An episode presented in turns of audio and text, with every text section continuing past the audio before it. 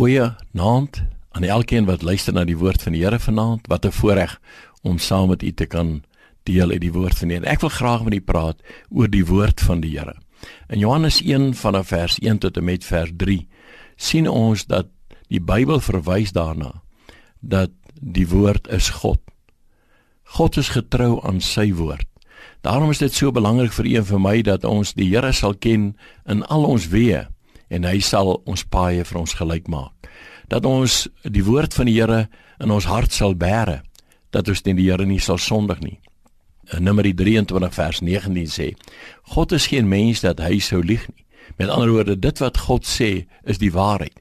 En ek dink vir ons wat belangrik is, omdat ons ook groot geword het met die woord van die Here, dat ons dit elke dag sal lees omdat ons dit tot ons beskikking het. Ek onthou toe ons nog jong seuns en jong kinders was, dat elke geleentheid wanneer daar 'n rugbywedstryd was, atletiek byeenkoms, selfs by die skoolopening, was die woord van die Here gelees en was daar gebid en het ons so 'n groot respek gekry vir die woord van die Here.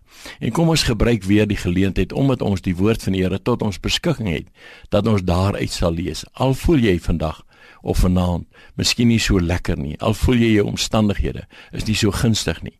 Maar gaan na die woord van die Here, lees die psalme, sien die beloftes van die Here. sien hoe dat God betrokke geraak het by sy volk en hoe die Here sy mense deurgedra het, selfs in tye toe dit baie moeilik was.